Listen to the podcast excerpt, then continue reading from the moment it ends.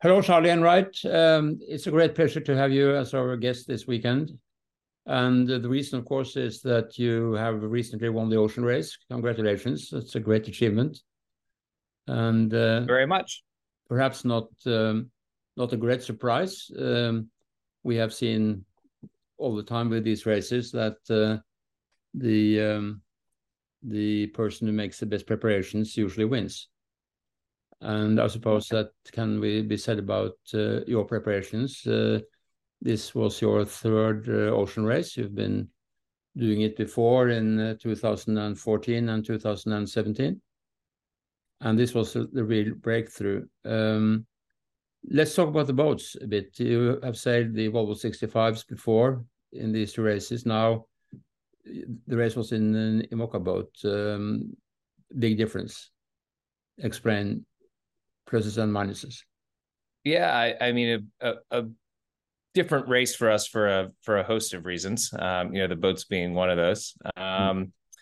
You know, certainly we could not have done um, what we had done in the past without the existence of the Volvo 65 and the One Design platform, and it was great for a team that was kind of just cutting their teeth and um, getting into the game, and a lot of the decisions are made for you, and mm you know the IMOCA is the exact opposite. I mean, you, you have to decide on every single detail, um, you know, of the boat's design and construction, and um, you know, uh, it, it's a big step not only because it's a custom one-off construction project versus the one design but i mean the boats from a performance standpoint with the foils and you know less restrictions and a much wider box rule um, you know everything's really to play for. And um, you know it was a big step for us but one that we were excited about because we felt like you know we were at a place in our personal progression um, where we were ready to take on a new challenge.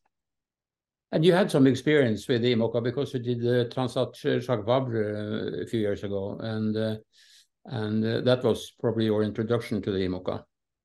Yeah, definitely. I mean, we we got interested in the IMOCA because the Ocean Race chose that as the platform of the future, and um, you know, when they made that decision, we kind of jumped right in, mm-hmm. um, and and that was a very new experience uh, for me personally, and for the rest of the team. Uh, you know, for a host of reasons. Um, mm-hmm. new boat, uh, short-handed, uh, foils. Autopilot you know so you know we talk about the preparation uh, yes we are definitely the team that set out to do this race and announced our uh, intention before a lot of other folks but um, you know new to the IMOCA class. And um, you know this French culture, you know, uh, no matter when you declare your intention for the ocean race, had like a 20 year head start in the, uh, you know, in the platform and the the form of sailing and a lot of things that um, you know make this race or at least this edition um, you know what it is. Do you think that the IMOCA uh, class is an improvement uh, over the uh, Volvo 65s for the purpose? Uh, I do personally um, because the Volvo 65s were launched in 2013. You know, they were designed in 2012. It's 10 years old. Um, and you know they're they're great boats. I mean, we've seen them break the 24 hour record. You know, we've seen them um, you know get faster and faster with every addition to the race. Um, but you know the the ocean race is, and in my opinion, always will be, um, kind of the pinnacle event for crewed offshore sailing. And um, you know the the the platform, the event, you know, it, ne- it needs to continue to grow. Um, and the IMOCA seems like a a logical step because you already have this fleet of 40 some odd boats and we've proven that um, you know the a boat that can be sailed single-handed around the world can also be sailed with a a, a crew yeah. and um, you know now you have this entire fleet uh, capable of competing in um, this race moving forward, which I think is great. Well, I mean, you, you, you look at the um, latest uh, Fastnet race. Uh, I think there were 29 IMOCAs uh, in the race, and uh, it was a brand new boat, the Macif, uh, was uh, the fastest boat and beating even Rambler 88, uh, which was a great achievement.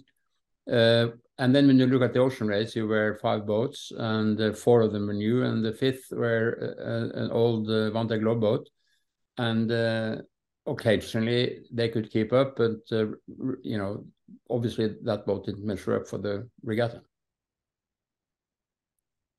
Yeah, I mean, I I think um, I I, I think the potential of these boats, you know, particularly the newest generation, is um, still very untapped. You know, I think you know we just saw Macif win a 29 boat um, fastnet race, and it's only been in the water for three or four weeks. Hmm. Um, I think we saw the boat perform well, sure, but I think we also saw Charlie and Pascal, um, you know, sail a really amazing race. Uh, you know, especially toward the end. Uh, in the mm-hmm. beginning with a new platform, it was just kind of getting it through the weather, I'd, I'd imagine. Mm-hmm. And then, um, you know, when they had conditions that they felt more comfortable pushing the boat in, uh, you know, they attacked. At the end, it looked like they just kind of wanted it more. Um, they refused to lose and got a little bit of leverage here and a little bit of leverage there. But, you know, obviously a strong performance for the boat. But I think, um, you know, all credit to the sailors as well. And I think the performance um, that we'll see out of that boat in the future will you know very much exceed what we saw this past week. Mm. Do you think that the five boat fleet in this ocean race is a breakthrough for IMOCA in a crewed uh, around the world race that you will see many more boats next time?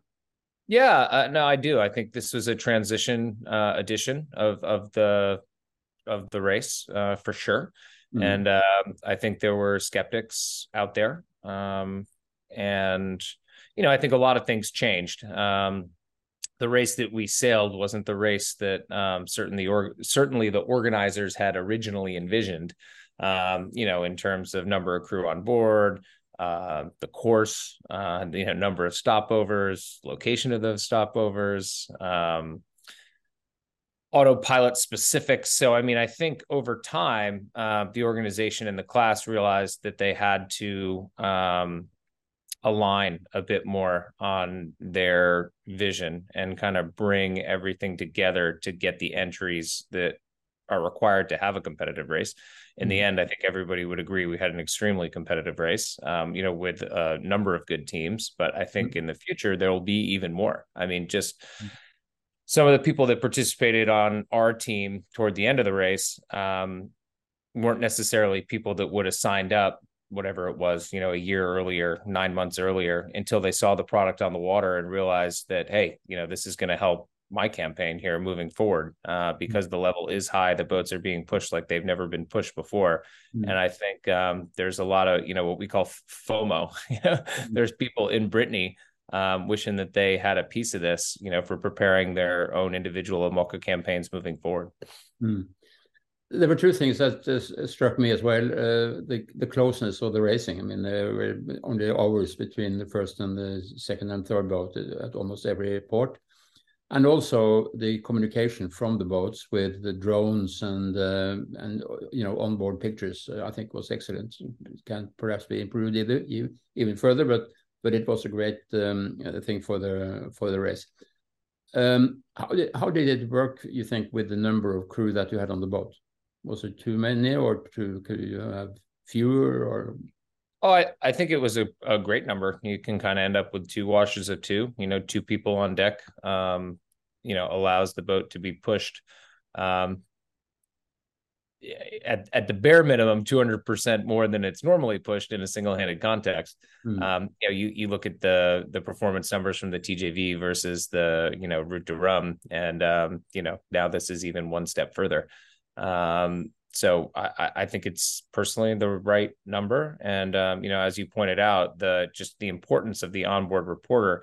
Um, you know, you look at the Vendée Globe and it's one guy down below with an iPhone pointed at him, you know, and uh, you look at the content from the ocean race and it's um, it's it's it's compelling. mm-hmm. um, certainly when it comes to the the role of the onboard reporter and um, you know, I'm, I'm biased, but I think we got one of the best in uh, in Amory Ross, and just you know his his writing, his drone work, his photography, his ability to exist on board and get off a quality product every single day. Um, you know, it's uh, it's it's a difficult job, uh, but one that brings a lot of um, you know, return to the sponsor. Obviously, you know, um, this is a expensive endeavor, and to watch your platform sail over the horizon and not hear from it for the likes of 30 days is a bit unacceptable. Um, but also just the images that it provides the sailing community and how it helps grow our sport.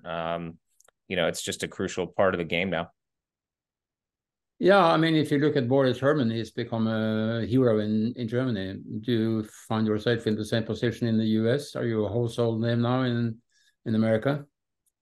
Um, I don't know. Um, certainly the the yeah the the the phone is ringing more than it was in the past, and the inbox is full and all that kind of stuff. But uh, the American sports market is a, a, a crowded one. Um, you know, and uh, the the the big four: uh, American football, um, basketball, hockey, um, and baseball, uh, mm-hmm. kind of dominate. Um, but you know, um, to a lesser degree, you know, sailing, skiing. I mean, there's a, a golf, tennis. You know, there's all these other sports.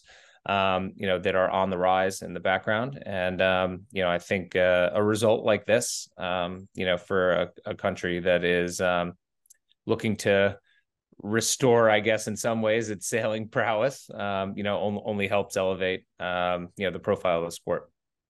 Do you think that, that there could be more American teams uh, next time around?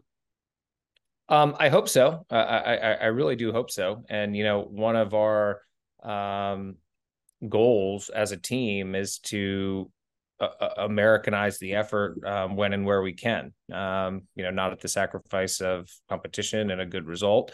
Um, but you know, one of the things we want to do is when you go to France, you see there is this pathway, um, and it's you know first this, then this, then that. And um, the more we can help bring that back to the states, um, you know, particularly now that you know we have the trophy and the blueprint and have proven ourselves on the on the big stage. Um, you, you, know hopefully um, we're successful in implementing something like that um, locally. Of course the environment has a lot uh, to do with the success of the race. And uh, your sponsor is 11th hour which is a very strong foundation to promote uh, cleanness in the oceans. Um, I've said to Richard Brisius that this is not only an ocean race, but it's a race for the oceans, and, and I guess you can confirm that.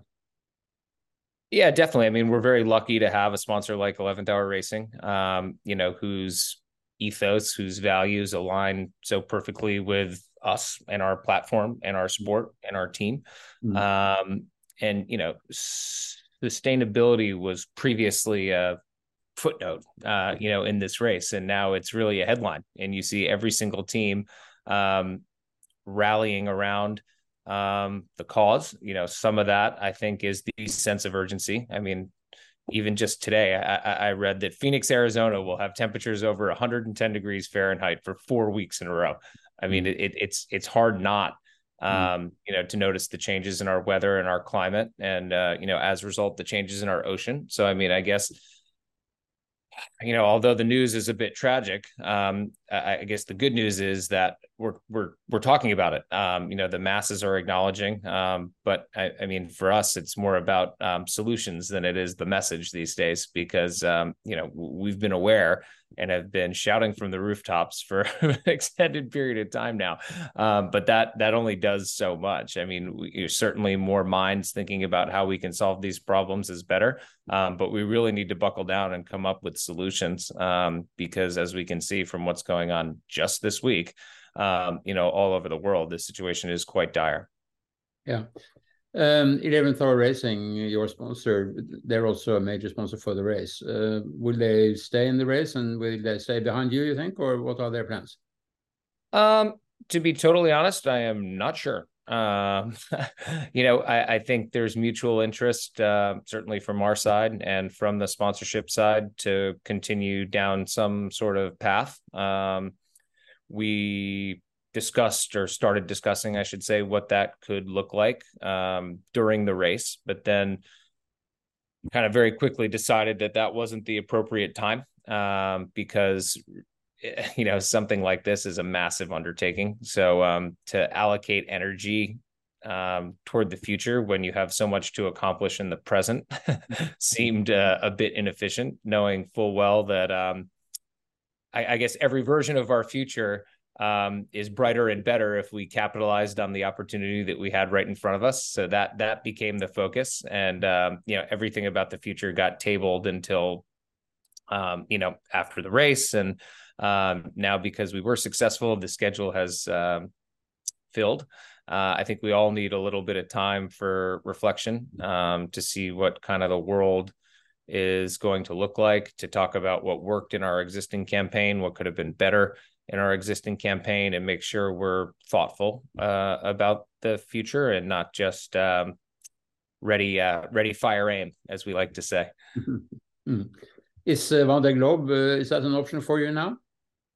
Uh, in 24, no. Um, that's that's that's for sure. Um, in 28, don't don't know. Um, you know, I, I don't think the the Vendée Globe is a good starter uh, solo race. Um, you know, I think uh, you, you, you look at the Vendée Globe and everybody that competes in it starts on uh, you know smaller platforms doing smaller races and then eventually graduates to this Vendée Globe level. Um, you know in some ways we have a bit of a head start because we already have the IMOCA experience. We have you know uh, or we had I should say a um, you know a platform uh, for competing in such a thing. Um, but I, I never say never but it's not on the radar at this stage how easy would it be to convert uh, one of these uh, ocean race boats to a Vendée Globe mode? Oh, it's it's the same. It's absolutely no no no problem. I mean, a couple things you might do differently in terms of cockpit layout, I guess. Um, but you know, I, I, we we have sold our boat to someone who is going to use it in the Vendée Globe, and I expect them to be very competitive and you know still with these uh, uh, massive buildings uh, making you actually sail indoors practically for much of the race. You, you, think that is a workable solution also for the Vendée Globe? To be inside? Yeah. Uh yes. I think it's actually more appropriate um for the Vendée Globe than it potentially is for an ocean race. Um you know if, if you if you peel back the onion and you get to the kind of lowest common denominator, um, you know, th- these boats were originally designed for one person to sail around the world. And that person, um, over the course of 70 some odd days, uh, needs to sleep. so if, if you have a situation where there's someone on a boat who is sleeping, um, then uh, how you know the visibility is less of a priority than it would be if you had people um, up alert all the time you know looking around um, you know it, it, it's as the class hopefully um, becomes a, a, a, more crewed affair um, you know perhaps we'll see an evolution of the um, design um, but you know i think certainly our boat you know, having had experiences in the past, um, you know, was very much designed around visibility um, in terms of the window placement, um, you know, but really what the boats kind of run into is a is a freeboard issue. So the boats incentivize a low CG, and um, basically when you're standing up on the cockpit sole, your head is you know in the z axis where your feet might be on a traditional um, you know crewed ocean racing boat so um, the altitude is is is an issue um, as well not not just the design and the configuration and the in the layout so the, there's a lot in it. It, it. it's a complicated subject um, but you know as the class progresses they're they're they're quite good about um, adopting and um, you know i think it'll only improve from here you mentioned sleep earlier, and uh, I mean, did you really get in long sleep, long hours of sleep, or was it just uh, very short uh, time to sleep? Uh, uh, I I think in the ocean race, the crew on average gets more sleep um, than you would in a single-handed context. Uh, you know, for for obvious reasons, but not only the um, the boats get pushed harder in a crew configuration, not only because you have more people, but those people are also more recharged than uh, you know a single-handed sailor might be. Um, you know, on our boat, we did a four on, four off, you know, watch system, which very often gets interrupted. And then certainly once you get to um, Europe at the end was basically totally out the window. Um, but I would say that I would sleep on average three times a day for somewhere between an hour to two hours, something like that. Mm. And that gets messed up by, you know, tacking, jibing, wind shifts, sail changes, competitor skids, weather downloads. So, I mean, it's, it's sporadic. Um, but you know, and then as far as the geometry or the volume down below is concerned, it's, uh, it's tough to find place, but then also a, a situation that allows for some sleeping comfort, given kind of the violent nature of the of the boats. So, mm. um, yeah, it's a tricky one. Not, not to speak of going to the toilet must have been very uncomfortable. Yes, um, for sure. But uh, I, I think um, you know, if if you don't eat, you don't go to the bathroom, and if you don't go to the bathroom, you die. So you figure you figure it out. Right. You figure out a way to do it. Uh, but but again, you were mostly indoors, but you obviously had to be on deck uh, from time to time. Um, uh, what kind of maneuvers required you to go on deck? Uh, which sail changes? Of course, you didn't do very many sail changes, but sometimes you did. You had a small jib, for instance, or you had uh, uh, some other uh, light sails you have to be on deck? Yeah, I think um, you know certainly sail changes, um, reefing. Um, uh, although we don't like to do it or admit it happens, but repairs. you know, there's uh, you know, there's there's there's definitely time to be outside. I think the number of sail changes that you do in an ocean race or crewed configuration, um, you know, is far in excess of what you'd probably do by yourself. Hmm. Um, so there's there's a lot more on deck, I'd say, in in in crewed sailing than there is in single handed sailing, as far as the IMOCA is concerned. Mm. Um, yeah, it's it's it's different. Again, part of it's the freeboard, part of it's the you know kind of violent nature of the boats, part of it's the speeds that they can achieve. But um, doing maneuvers underway, um, you know, the threshold for that is um, is a lot lower in the IMOCA. Um, you know, sometimes you really just have to stop the boat, do the maneuver, get it done as efficiently as possible, and then get going. Uh, whereas in traditional, um, you know, crewed ocean race environments of the past, you you do a lot of that as you went underway, um, and there wasn't as much uh, slowing down involved. Um, so yeah, it, it's it's it's different, but um, the the, the worlds are uh, meeting in the middle. Right. Obviously, the management of the ocean race will consult with the sailors um, with the feedback from this race and perhaps uh, suggestions uh, for improvements. Uh, what would be your suggestions if they were to improve anything? Uh, well, I mean, I think um, as I alluded to before, there were a lot of improvements made, um, you know, in the race format from inception to realization. Um, you know, as the two bodies, like the race organizers and the IMOCA class, got more familiar um, with each other and um, you know what the um, the demands, I, I, I, guess, were going to be. Um, I, I think the course is actually quite good. You know, I think the the the timeline is quite good. Um, maybe you could the, the Southern Ocean leg was long, uh, you know, very long. Mm. Um, so maybe a stop in, in Australia or New Zealand, something like that, um, would be good. Maybe one less stop in Europe. Um, but generally speaking, I think um,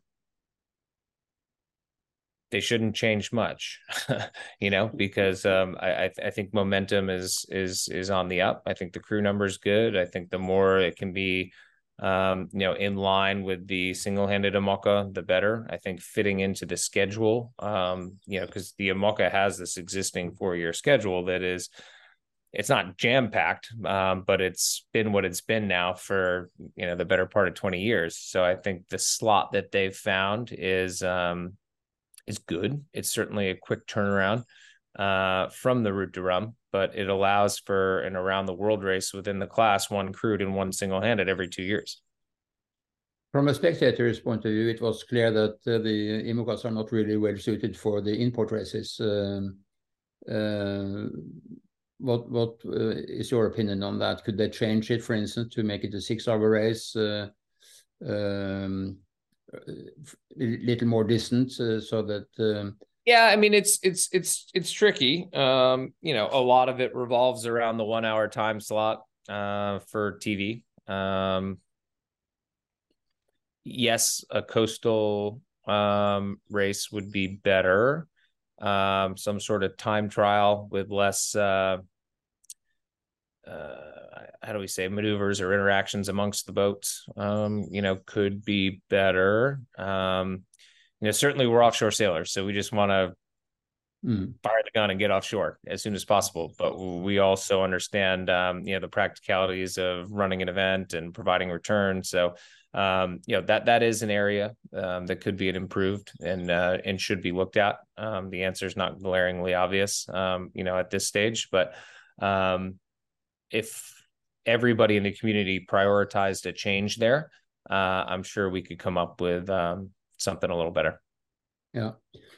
Um, unfortunately, you had this accident uh, just after the start on the last leg, and um, it seemed uh, again from a spectator's point of view that it was a completely unnecessary accident. That uh, if the uh, outlook had been better from the other boat, uh, this would have been avoided. You know, could you could you put that to the fact that they were all indoors at the time and, and didn't really look, or how could that happen? Yeah, no, I think um, you know visibility played a big a big part in that um, for sure. Um, but you, you know, I think there's also a, a, a, situational awareness aspect. You know, with five boats on the course, um, a layline coming up, um, it, it, was probably avoidable, but would the situation have happened if everybody on the boat was in a position where they could see more and more and more? No, um, probably not. Um, so it's it, it it's a tricky one. Um, is it the format? Is it the platform? Is it um, you know a lack of understanding and prioritization of you know kind of where everybody is? Mm. Um, so I, I, I'm not quite sure. No, it was uh, unfortunate, but I think it was uh, the right decision from the um, race committee and, and the judges to give you average points for sure. It was not something that you could have done different, and uh, it would have ruined the race for you if you hadn't been given these average points, obviously. Yeah, I, I mean, it's not the way anybody wanted to see, um, you know, a- anything go down or or or you know, nobody wanted to see anything like that um, in in the race or as part of the race. But uh, you know, we were winning going into the situation. Um, you know, the ability to compete for the title on the water was basically stripped from us. Uh, you know, the the language in the rules is through no fault of our own. Mm-hmm. Um, you know, I, I genuinely believe that to be the case. You know, when I got off the water after the incident, um, yeah, the first thing I I I told the sponsor was I I I, pro- I promise you that there was nothing there was nothing else um, that that I could have done, and if I felt differently about it, I probably would have called and apologized. um, so eh, eh, yeah, I mean we were we were winning before it happened. Um, I'm glad we were winning after it happened. Um, you know, certainly not the way that anybody wanted to see it go down. It put us in a situation where all we had to do was finish the leg, you know, given the results of the other boats to kind of take home the prize. So, you know, whether or not any of that matters, I mean, do judges and juries exist in a vacuum? Uh, you know, all those questions go through your head when you're sailing to Genoa over the course of 12 days, wondering what your competitive fate's going to be. Mm. Um, but yeah, yeah, you know, I, I don't think it, um, taints, um, you know, the result, uh, in, in, mm. in any way. Um, you know, in some ways, um, you know, average points are great. We're very appreciative um, as long as the overall was right. But I mean, we we were on a bit of a tear and wanted to win the last leg. you know that we didn't have the opportunity to do that. So I mean, it, it is what it is. I think it landed in a in a good spot. It, it was a pretty close race for the first three legs, but you were behind, and then after uh, Spe- after Brazil, you sort of. Uh, uh, took off and, and won the rest of the legs. Uh, did did you improve or did the other boats uh, lose some momentum or uh, how do you look at that? I mean, there's there's a lot um, in that question uh, for sure. Um, you know, it is a marathon. It's a battle of attrition. You know, we'd been through it. I think you know toward the end of the race, our familiarization with the race and the property and what it takes and uh, the logistics associated with it, all of that, I think, um, became more and more important over time for sure. Um, I think when you look at the beginning of the race, we actually sailed better than our results might indicate. Um, you know, we had a very strong leg two into Cape Town and um, ended up with a bad result. And that happens sometimes. You know, there were things we could have done better at the end um, to make that not the case. And it is what it is. But um, I think given our platform, we were always going to struggle relative to the other boats in the South um, because of their newer designs, and they're you know they were able to incorporate learnings from the previous Vendée Globe into the designs of their boat. You know, we were simply put supposed to be the newest boat in the race, and actually ended up being the second oldest boat in the mm-hmm. race. And um, you know, the advantage of that should have been uh, that we were on the water longer and had a more reliable platform, but um, that ended up not being the case. And maybe that wasn't the case because we didn't do enough racing um, you know, prior to the start of the race. And, you know, until you're pushing against other boats, you don't really know where the limits are. Um, so we're, you know, we could have done that probably a little bit better. Um, but you know, we always felt like the boat was strong. It was fast. Um, you know, in a non-Southern Ocean environment. Um, so leaving Brazil, we we had confidence in the in the platform. We made some crew changes, um, you know, get some fresh blood on board, some fresh perspective. Um, yeah, so I mean, there, there there's a lot that went into it. I think the whole entire team felt the sense of urgency. You know, if we didn't turn it around then and there. Um, you know, it was unlikely to end the way that we wanted it to end. So every single person uh, from top to bottom, you know, within the organization, um, I think really asked themselves personally, what do I need to do to step up my game to to to to to focus more on on winning? Uh, and I think we saw that um, you know, manifest itself in some strong showings uh, right out of the block with the in-port race in Brazil. I mean, we really tried to never look back from there. Yeah. Uh, your success uh, obviously will make um, an impact um, in American interest, and perhaps you will have a lot of young people wanting to crew for you next time around, uh, so that you will have the complete, completely American crew. Uh, good navigators you can find in the States, I'm sure, and uh, good sailors uh, we know there are many of, and uh, so I suppose that it will be possible to have a straight American team. Uh, it's it's, it's certainly possible, no, mm-hmm. for sure. And um, you know, I think with um, a long lead up time, you know, I think um, there's the ability to train. Um, you know, what we really need is the interest and the desire, and to increase increase the applicant pool really um, to get enough enough qualified folks. Um, you know, I think the the future of this race for me um, really depends on. I, think there'll be plenty of entries in the next race, uh, but I think if the race wants to be truly international. Um, the world can't revolve around this small northwest corner of France, you know?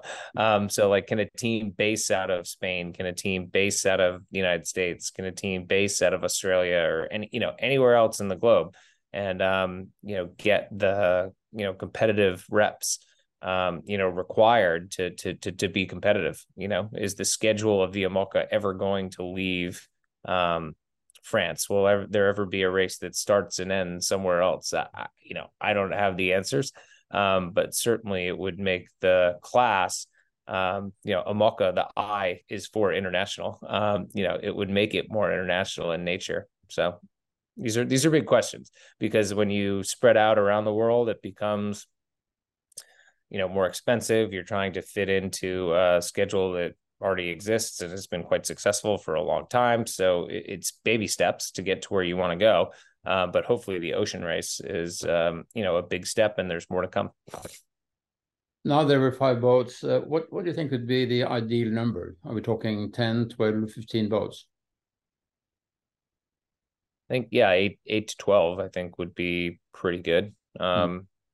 You know, one of the things about the Vendée Globe is, uh, you know, with so many boats, um, it's tough to divide the airtime. you know, mm. and, and and some people kind of get a bit drown out. So I think from a commercial viability, a sponsorship standpoint, um, maybe eight to ten is about right. Mm-hmm. Uh, you know that, that that that said, the more boats there are, the more seats there are, the more opportunities there are for sailors. So um, you know, it, it gets logistically more difficult at some of these ports. You know, I know Newport, for instance, I don't think has the ability to host 12 boats. So where where do they go? What does the race village look like? How does that become compromised? Uh, there's there's a ton of different questions, but you know, I think eight to 10 would be a great success. Right. Now you have sold your boat, and um, and uh, does that mean that you are not going to sail for a while, or are you asked to uh, be a skipper or tactician on uh, other ocean racing boats, or what are your plans? Yeah, I'm not totally sure. I mean, we can't sail in IMOCA 60 tomorrow, that's for sure, because we don't have one.